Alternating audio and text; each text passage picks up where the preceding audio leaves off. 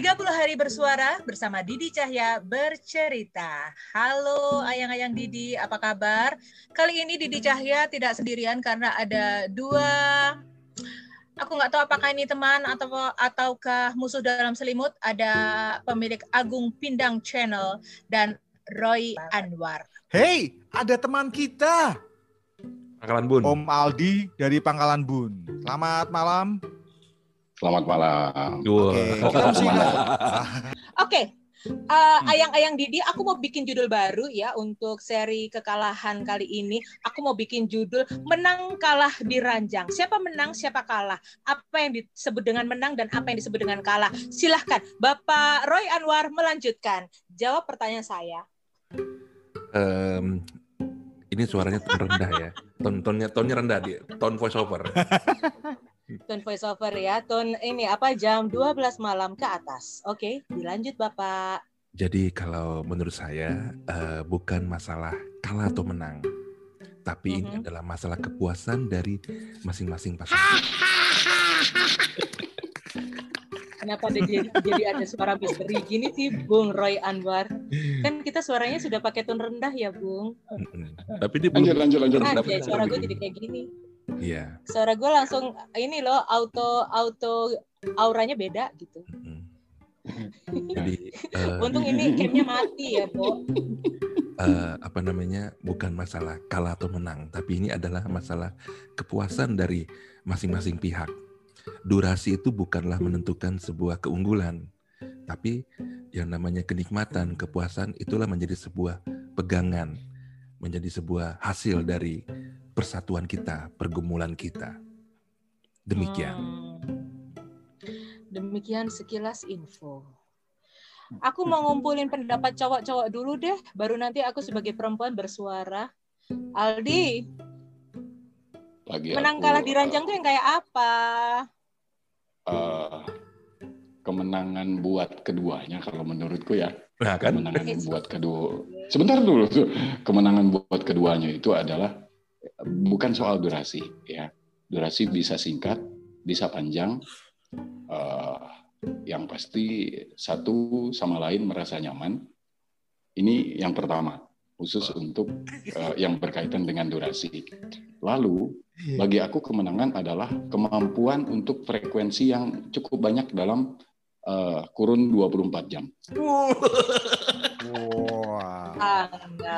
Bentar tapi sering gitu ya. Eh, hati -hati. sebentar dulu. Hati-hati Mas bisul. Hati-hati bisul makan kalau kalau misalnya ambil waktu tidur adalah 6 jam. Hmm. 6 jam. Anggap saja 6 jam ya. Total waktu tidur 6 jam selama 24 jam itu berarti kan ada 18 jam.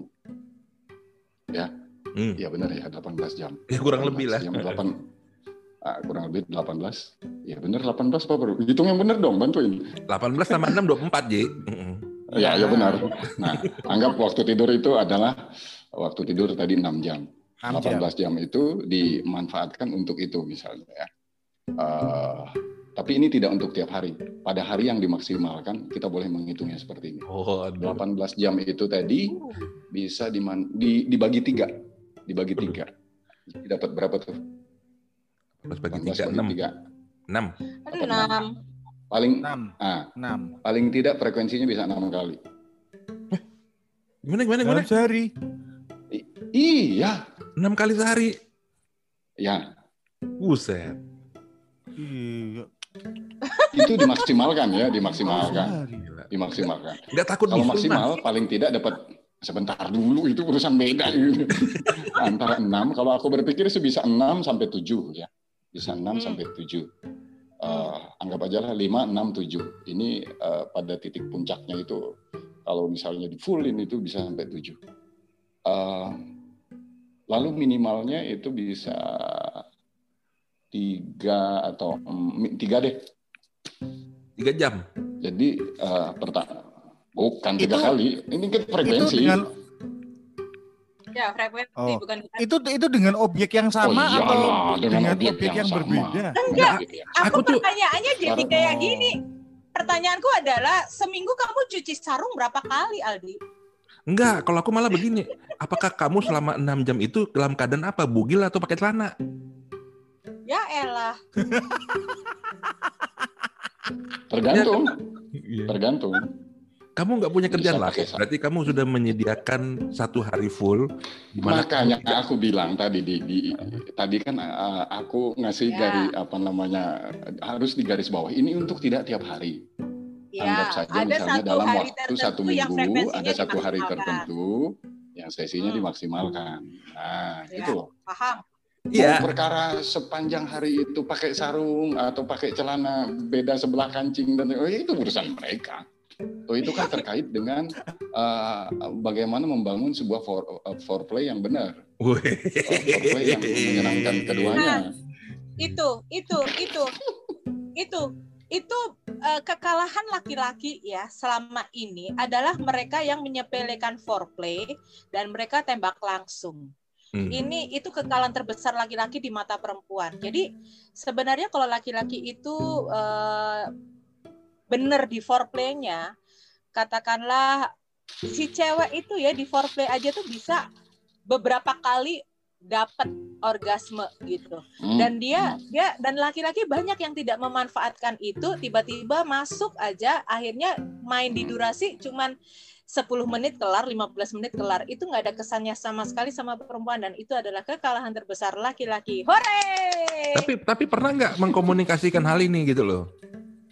Ya gue mengkomunikasikan sama siapa dulu gitu loh. Ya, maksudnya kan, kan kan kita kan berbicara kan dari perspektif apa namanya orang-orang dewasa Ya, ya. gitu kan. Ya gue Ya, gue ngomong ngomongin kayak gini kan berdasarkan pengalaman. Iya, kita kan nggak ngomong yang ale-ale kan. Cuman begini, masalah Iya, begini, jadi- ketika ah, ini nih ada tim pria dan tim wanita nih kan. Ah, Oke, baiklah. Ah, jadi sekarang begini, eh, misalkan katakanlah eh, dari sisi wanita mengatakan bahwa em, kalian tuh tidak memahami yang namanya eh, bahwa foreplay itu penting bagi kami, gitu loh. Langsung main gas aja kan. Tapi pertanyaan sekarang begini, apakah yang namanya eh, pria dan wanita udah pernah saling mengkomunikasikan, gitu loh, bahwa aku lebih senang yang begini dan kamu harusnya begini, biar aku biar aku jadi eh, jadi begini gitu loh. Pernah nggak kira-kira? Apakah itu menjadi Kalau hubungan tabu? yang kalau hubungan yang sehat, Roy, kalau Hmm. hubungan yang sehat itu pasti dikomunikasikan, pasti dikomunikasikan. Kalau hubungan itu sehat, masalahnya kan selama ini hubungan gue nggak ada yang sehat, Roy. Jadi Ya. apa yang mau gue komunikasikan? Nah itu aja. Dia mah mau Kalau dalam hal ini komunikasi itu Ah. sendiri kalau menurut aku ya bahwa untuk hal tersebut komunikasi itu justru jadi fondasi. Betul. Justru jadi Mana, Di? fondasi. betul. Justru jadi fondasi. Jadi fondasi. tetap harus ada komunikasi, ada musyawarah untuk mufakat. Ini kan sebagai pijakan awal. Iyalah musyawarah untuk mufakat nanti eh, nanti kita coba power play yang seperti ini atau eh, coba kita explore pada bagian ini dan segala Atau macam sharing Ini juga harus imajinasi. dikomunikasikan sharing ya termasuk itu juga Eh, ini yang mungkin jarang dilakukan oleh eh, banyak pasangan ya karena ke ya bisa jadi karena ketidaktahuan terhadap eh, seksologi itu sendiri itu satu nafs eh, keinginan yang menggebu-gebu tanpa ditata kelola dengan baik dan selanjutnya dan selanjutnya. Tapi aku pikir ketika komunikasi itu dibuka pada awalnya itu kan akan banyak apa namanya ini item-item yang sebetulnya bisa jadi bahan diskusi mereka gitu. Iya. Em, hasilnya akan lebih maksimal, bukan lagi soal durasi dan frekuensi, tapi itu lebih pada membangun sebuah psikologi yang benar-benar bercahaya, bercahaya apalah bahasanya. Giliran kayak gini si pindang Tapi dia kalau- udah ditelan pak itu makanan. Enggak. Enggak, masalahnya begini, kalau sampai eh, rencananya satu hari sampai 6 lima kali, ya mungkin perlu komunikasi. Tapi kalau cuman sekali saja gitu loh, misalkan gitu. loh, Apa Mas Agung, Saya enam kali apakah- itu tidak harus dengan komunikasi verbal. Gestur Oh. bisa bentuk komunikasi Gestur juga bisa. loh. Colek-colek bisa. sambil sambil pegang icik-icik terus wik hey wiki wiki wik wik wiki wiki wik. Eh, Loh, loh bisa jadi dari loh. Bisa jadi, bisa jadi. ini Mungkin salah satu- yang ya ya betul nggak nggak perlu kita bicara secara verbal tapi dari gestur atau apa aja untuk kode-kode itu seharusnya cowok sama cewek sama-sama tahu ya. Tapi ada satu lagi dari perspektifku ya. Salah satu kekalahan laki-laki dalam urusan seksual uh, untuk beberapa perempuan ini kita nggak bicara tentang dalam konteks suami istri ya, konteks laki-laki dan perempuan ya. Uh, banyak laki-laki yang sangat membanggakan maskulinitasnya, sehingga dalam mindset mereka adalah perempuan itu suka kalau diajak ngobrol tentang seks mulu. Padahal untuk sebagian perempuan, sebut saja aku, kalau udah cowok walaupun sedekatnya gimana, tapi uh, masalah seksual itu diucapkan secara verbal, bukan diskusi ya, tapi dia tuh yang hmm. apa sih? Aku tuh pernah dapat dapat apa ya? Aku pengen ini, pengen itu diucapkan secara verbal tuh malah bikin turn off loh untuk perempuan. Jadi memang cara komunikasinya itu ya tergantung kamu harus lihat deh pasangan kamu tuh modelnya seperti apa. Bukan yang kalau aku nggak suka model tembak langsung eh kayaknya eh, gini gini gini enggak. Aku tuh lebih suka uh, apa sih sexy brain. Jadi otak dia itu cerdas dan ngobrol apa-apa, aku bisa turn on sendiri tanpa harus ngomongin seksualitas itself gitu loh. Itu yang laki-laki juga banyak kalahnya di situ. Nggak bisa menaklukkan perempuan hanya karena dia lebih banyak memverbalkan masalah seksualitas. Iya. Aku sepakat dengan kata Jeng Gede itu. Karena mungkin memang banyak pria itu tidak bisa menyembunyikan sesuatu dari dirinya Betul. Hasratnya ditunjuk-tunjukin kayak gitu tuh iya. malah males loh. Sebenarnya males, udah, sumpah. Itu udah udah udah udah udah kelihatan kan? Secara fisik udah kelihatan gitu loh. Dan hmm. apalagi otaknya kan kalau udah misalnya fisiknya udah nonjol aja dari celananya udah ketahuan kan kalau dia brengsek gitu. dia udah diubun-ubun. Bukannya, bukannya sering gitu, gitu. Artinya udah memang udah nggak bisa mikir dia. Bukannya kan? kita sering ketemu sama orang yang bukannya kita malah sering ketemu sama orang-orang yang bicaranya itu jorok ngarah-ngarah ke hal porno melulu, hmm. hmm. tetapi sejatinya dia nggak seperti itu gitu. Ya aku kan malah gitu. justru ada sesuatu yang ditutupi gitu. Iya. Hah? Dia beda kadang -kadang... sih antara porno dan seksualitas menurutku beda sih, Dang. Oh iya, ya ya ya apalah. Uh, saya, saya revisi aja deh. Bicara soal-soal seperti itu gitu loh. Kira-kira kira-kira sejatinya dia nggak seperti itu juga gitu loh. Malah kebalikannya yang sering-sering ketemu. Iya. Boleh jadi dan, boleh jadi. Itu, itu bukan dan, bukan bukan pada satu sih pada uh, uh, pada orang-orang tertentu mungkin itu bukan bukan kebalikannya ya Mas Agung ya. Uh, aku pikir bisa jadi itu adalah apa yang dia inginkan. Tetapi Aha. ketika uh, terbuka jalan untuk dia mencapai apa yang dia inginkan dia lupa apa keinginannya gitu loh. Kembali lagi itu terburu-buru. Lupa pondasi gitu. Bisa jadi. Ya, kenapa karena ya kenapa tadi. aku tidak sesuai dengan apa yang aku bicarakan tadi? Oh harusnya begini begini begini begini. Eh aku begitu ketemu lawan, udah nggak usah lama-lama. Kelamaan mikirin yang kayak, kayak begitu tadi. Udah langsung ambil jalan yang berbeda. Berarti kan ini apa namanya tidak sesuai dengan apa yang yang dia ucapkan. Betul. Tidak berintegritas, tidak berintegritas dalam seksualitas. itu kejadian itu kejadian. Jadi uh, pada suatu hari gitu ada cowok yang memang dia tuh flirting flirting gitu ya kakak-kakak ke aku gitu. Yang aku tangkepin aja flirtingannya dalam artian dia sudah uh, flirtingan via WhatsApp atau uh, apa namanya uh, telepon atau apa gitu. Aku ladenin dalam artian ya sudah lah gitu for just for fun aja. Gilirannya ketemu bener. Dia terlalu banyak berbicara hal-hal tentang seksualitas dan saat ketemu itu dia tuh sangat menggebu-gebu, sangat berhasrat sampai akhirnya nggak bisa ngaceng. What do you think about? Sumpah itu kejadian yang gue gini, lu sih kebanyakan bluffing, kebanyakan omong. Nanti kalau ketemu kita begini begini begini, gilirannya ketemu nangis lu nggak bisa ngaceng. Gimana? Bisa jadi Asli. itu di bisa jadi uh, ketika hmm. ketika ketemunya itu tadi dia berada pada uh, stres yang cukup tinggi. Waduh. Terlalu berhasrat Al. Terlalu iya, berhasrat. Iya benar. Benar awalnya dia terlalu berhasrat, tetapi terlalu berhasratannya itu justru, justru menempatkan dia pada stres yang cukup tinggi. Iya. Stres itulah yang akhirnya tidak bisa membangun apa yang sebetulnya harus bangun. Tapi kayaknya dia nggak bisa ini apa namanya mungkin kalau menurutku eh, kayak nggak tahu topik apa yang mesti diomongin kali ya. Ya, Ya, itu betul. Mungkin, mungkin. Betul. mungkin. Karena uh, obrolan kami obrolanku sama dia nggak satu frekuensi. Itu Hmm. betul. Oh. Jadi Maka memang dia dianggap- itu Iya, Maka dia dianggap akhirnya obrolan obrolan seksual di- bisa menyatukan gitu ya. Iya, jadi dia benar-benar menjadikanku sebagai objek seksual dia gitu loh. bisa. Sementara aku kan bukan yang tipe seperti itu. Tapi kamu oke lah, ladenin dia ngomong. jadi- Kenapa? Kamu kamu ladenin juga dia dia ngomong. Ya, Terlanjur enggak juga sih. Enggak juga sih, karena ya cara dia gue nggak suka. Tapi suka aja. Eh. Se- se- Enggak juga, enggak gue ladenin. Eh, enggak enggak Ya. sepenuhnya gitu. Paling dia yang just say hello apa apa apa kayak gitu ya, tak ladenin sampai gitu. Itu aja Eh, dia yang bentar, suruh bentar. happy. Kenapa? Ah, gini dulu Mas. Yang Mbok maksud dengan diskusi atau pembicaraan atau obrolan seksual itu yang yang yang seperti apa? Yang yang seperti apa? Supaya kita bisa nyambung dulu nih. Oke, Kan bisa jadi tafsirnya berbeda gitu. oke.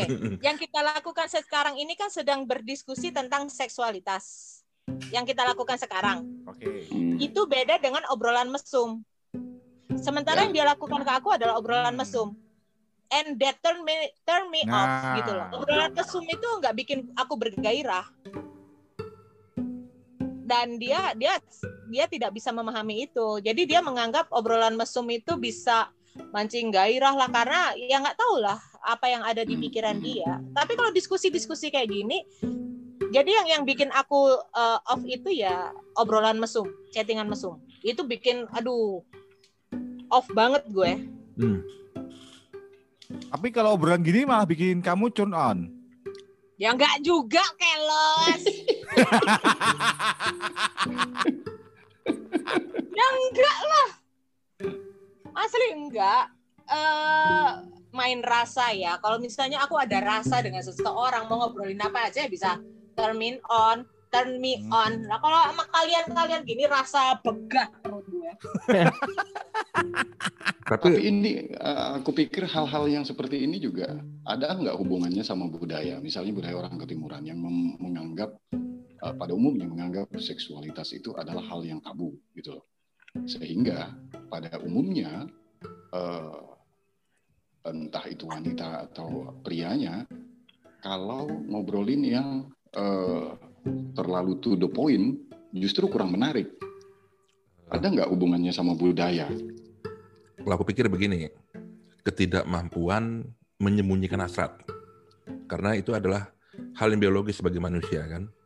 Ketika yang namanya kita itu mungkin berada dalam satu tempat, katakanlah ini, ini ilustrasi ya, katakan satu tempat em, eh, kafe remang-remang, tapi bukan kafe-kafe yang itu ya bukan ya. Suasana kafe biasanya kan kalau di hotel itu kan agak-agak lampunya redup gitu kan. Terus ada iringan musik jazz gitu misalnya. Kita duduk bersama, ngobrol. Nah, kadang-kadang dari hal yang nggak ada, itu bisa jadi ada loh. Nah, akhirnya timbul Iya. yang namanya hasrat, Ya, ya. hasrat biologis ya. Atmos- Atmosfernya bisa. mendukung. Mm-mm, bisa aja. Bahaya itu kan? Bisa jadi, bisa jadi, Iya kan? bisa jadi. Ya juga kita juga enak kan kalau misalnya sekarang kita ketemu dengan dengan nggak laki nggak nggak nggak perempuan lah. Kalau misalnya kita tiba-tiba langsung ngobrol hal-hal yang mungkin terlalu apa chat-chat mesum gitu kayaknya kayaknya udah udah nggak enak kan gitu kan. Malah kita kita itu dalam posisi sekarang ini eh, apa namanya mungkin dalam tanda kutip seks itu malah menjadi kayak lelucon gitu loh. Hmm, malah kita Ya. gambarkan sebagai lelucon. Nah, kalau baik lagi ke tadi, kalau misalnya ngubungin dengan omongan kamu, Dik, gitu kan ya. Kalau menurut aku, em, kalau dibilang tabu atau enggak, aku pikir sekarang udah banyak pergeseran, Dik. Em, Iya sih. kalau dalam masalah eksploitasi, maaf ya, di salah satu fa- platform media sosial ada kok yang sudah mem- apa namanya?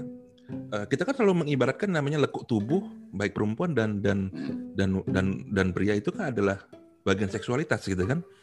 Tapi mereka banyak kok yang mengumbar di salah satu eh, berbagai platform video streaming misalnya. Hmm. Yang pria Hmm. juga begitu, ada kan?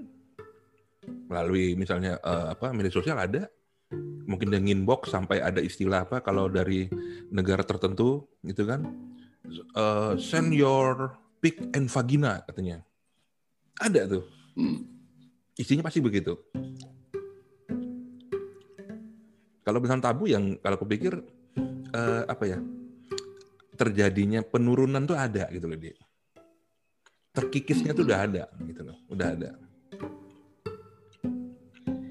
Ya kalau bicara Ini masalah tabu atau enggak, itu kan sebenarnya aku sepakat sama omongannya Roy bahwa eh, memang sudah terjadi pergeseran. Cuman yang orang jarang memahami dan menyadari sepenuhnya adalah laki-laki dan perempuan itu sebenarnya kalau urusan hasrat seksual itu sama. Yang membedakan tuh hanya alat kelaminnya. Yang perempuan itu lebih tertutup, nggak gampang kegesek. Yang laki itu nongol kegesek sedikit langsung bangun. Sebenarnya itu Hmm. ha- hanya masalah fisik gitu. Tapi kalau masalah hasrat, masalah imajinasi, perempuan dan laki-laki itu sama. Cuman ya itu tadi, alatnya aja udah beda, maka keterpancingan hasrat itu juga berbeda. Itu satu. Yang kedua, yang membedakan itu kan adalah norma. Jadi cewek kalau ngomongin seksualitas itu kesannya nakal, gampangan, mau diajakin sewaktu-waktu oleh siapa pun. Padahal ya Hmm. enggak juga. Belum tentu. Kalau aku ngomongin masalah Ya. seksualitas itu kan ya masalah masalah edukasi, masalah apa ya biasa. Cuman norma kita yang membatasi, norma kita yang membuat perempuan itu jadi takut untuk berbicara seksualitas. Jadi gilirannya perempuan punya hasrat yang menggebu-gebu, si suami itu langsung mikir ini sesuai dengan podcastku yang hari ini gitu ya tentang eh, apa namanya perlu nggak sih eh, perempuan tuh ngaku dia tuh virgin atau enggak waktu dia mau nikah gitu. Kenapa? Karena perempuan tuh selalu menjadi pihak yang inferior. Jadi laki-laki selalu merasa menang karena eh, maskulinitas mereka. Perempuan yang sudah tidak perawan itu adalah perempuan yang kalah. Jadi aku boleh menindas dia segala macam. Padahal menurutku itu nggak ada kaitannya dengan menang kalah gitu. Ya kamu kalah saat kamu sudah tidak bisa mengendalikan pikiranmu tentang seksualitas dan tidak bisa action yang benar tentang seksualitas. Ya udah kamu kalah di situ. Nah, Aku itu sih sesimpel itu. Fantasi seks seperti apa yang membuatmu kalah di?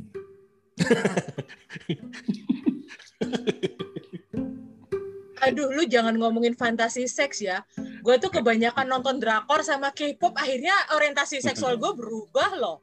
Gue Nah, kesel gitu. Makanya aku udah nggak ngaceng lagi ngeliat kalian, udah nggak nafsu, nggak basah gitu loh.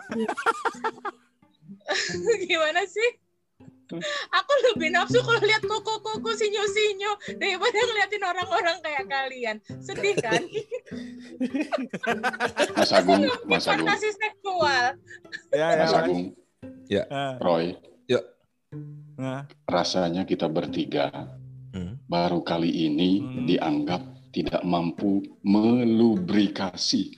waduh Ngeri. Ya, nggak bisa menang lawan opa-opa Korea ajusi ajusi itu nggak bisa menang lu saat ini. Tapi balik lagi lah ya, eh, apa dari semua itu eh, akhirnya itu akal sehat kalau menurutku. Ada akal sehat sama ini ya apa ya? eh, mungkin ada ada perasaan ya. Sangat beruntunglah ketika kita itu mungkin di Indonesia ini diajari namanya norma-norma ketimuran. Eh, kita pinjam salah satu misalnya eh, perempuan harus bisa menjaga yang namanya keperawanannya dan kalau bisa diberikanlah kepada orang yang berhak yaitu suami kan gitu kan.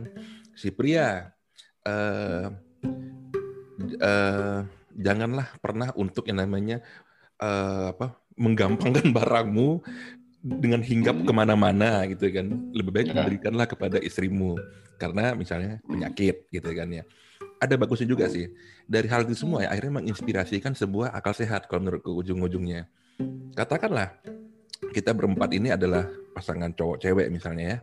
Eh, terlibat dalam percakapan yang enak nyambung dari sekian berapa menit akhirnya kita merasa sebu- ada sebuah chemistry yang nyambung. Akhirnya timbul hasrat. Kalau dinaikkan levelnya bisa nih tinggal tambah beli bir atau mungkin beli tuak ya kan jadi nih kita kan cuma akhirnya ada akal sehat Hmm. kita yang memikir apa yang namanya Ya, ya. membatasi itu oh ternyata si Didi Ya. temanku loh, Agung temanku loh, nya. si ini Aldi temanku loh. Masa sih aku sama temanku kan ada seperti itu. Lalu Ya. eh, ada nih perasaan kadang terbayang oleh yang namanya satu. Kalau tadi kamu Al- Aldi bilang mungkin tingkat stres yang tinggi ya. Kalau aku menggunakannya itu adalah eh, terbayang-bayang akan kesalahan, terbayang-bayang akan Hmm. namanya dosa, misalnya ya. Terbayang-bayang akan namanya mungkin kalau dia lagi cheating pasangannya kan gitu kan. Hmm. Ada hal seperti itu kalau menurutku. Itu penghalangnya itu. Nggak tahu nih kalau iya, barriernya batas. Gimana, Dik? Ya, barrier pembatas. Ya, ya. Makanya kan itu sama dengan pertanyaan kalian, pertanyaan pindang atau kapan berapa minggu yang lalu. Eh, emang habis ini kamu ada niatan untuk kawin lagi, buat nikah lagi? Ya aku sih kalau mengikuti hasratku sebagai manusia, yang mungkin aku seorang agnostik ya mending aku sama Leven. Orang cuma urusan hasrat sak cerotan wae kok ndak ada nganggo surat gitu loh. Tapi ya gimana gimana aku juga masih punya pegangan yang harus aku pegang gitu ya. Ya kalau mau kayak gitu ya harus nikah mau dibilangin idealis ya ya gimana memang aturannya kayak gitu jadi ya eh, sebebas-bebasnya kita kalau kita masih pakai akal sehat ya itulah yang membedakan kita sama binatang gitu aja iya bener. Iya Tidak loh berniat kan aku mungkin- kalian nanya kayak gitu tuh mungkin- jawabanku jujur banget Iya. kalau aku Kembali nggak ingin bahwa berniat. aku manusia beragama ya mending aku sama Leven lah Ah, iya. Ah, kembali ke Tidak berniat cari outsourcing mungkin. Iya, asu. outsourcing. ya kali-kali kalau kilaf lah Kembali ke ke ke apa namanya eh, yang sempat ku sebut tadi bahwa komunikasi itu akhirnya boleh kita tempatkan sebagai fondasi gitu ya.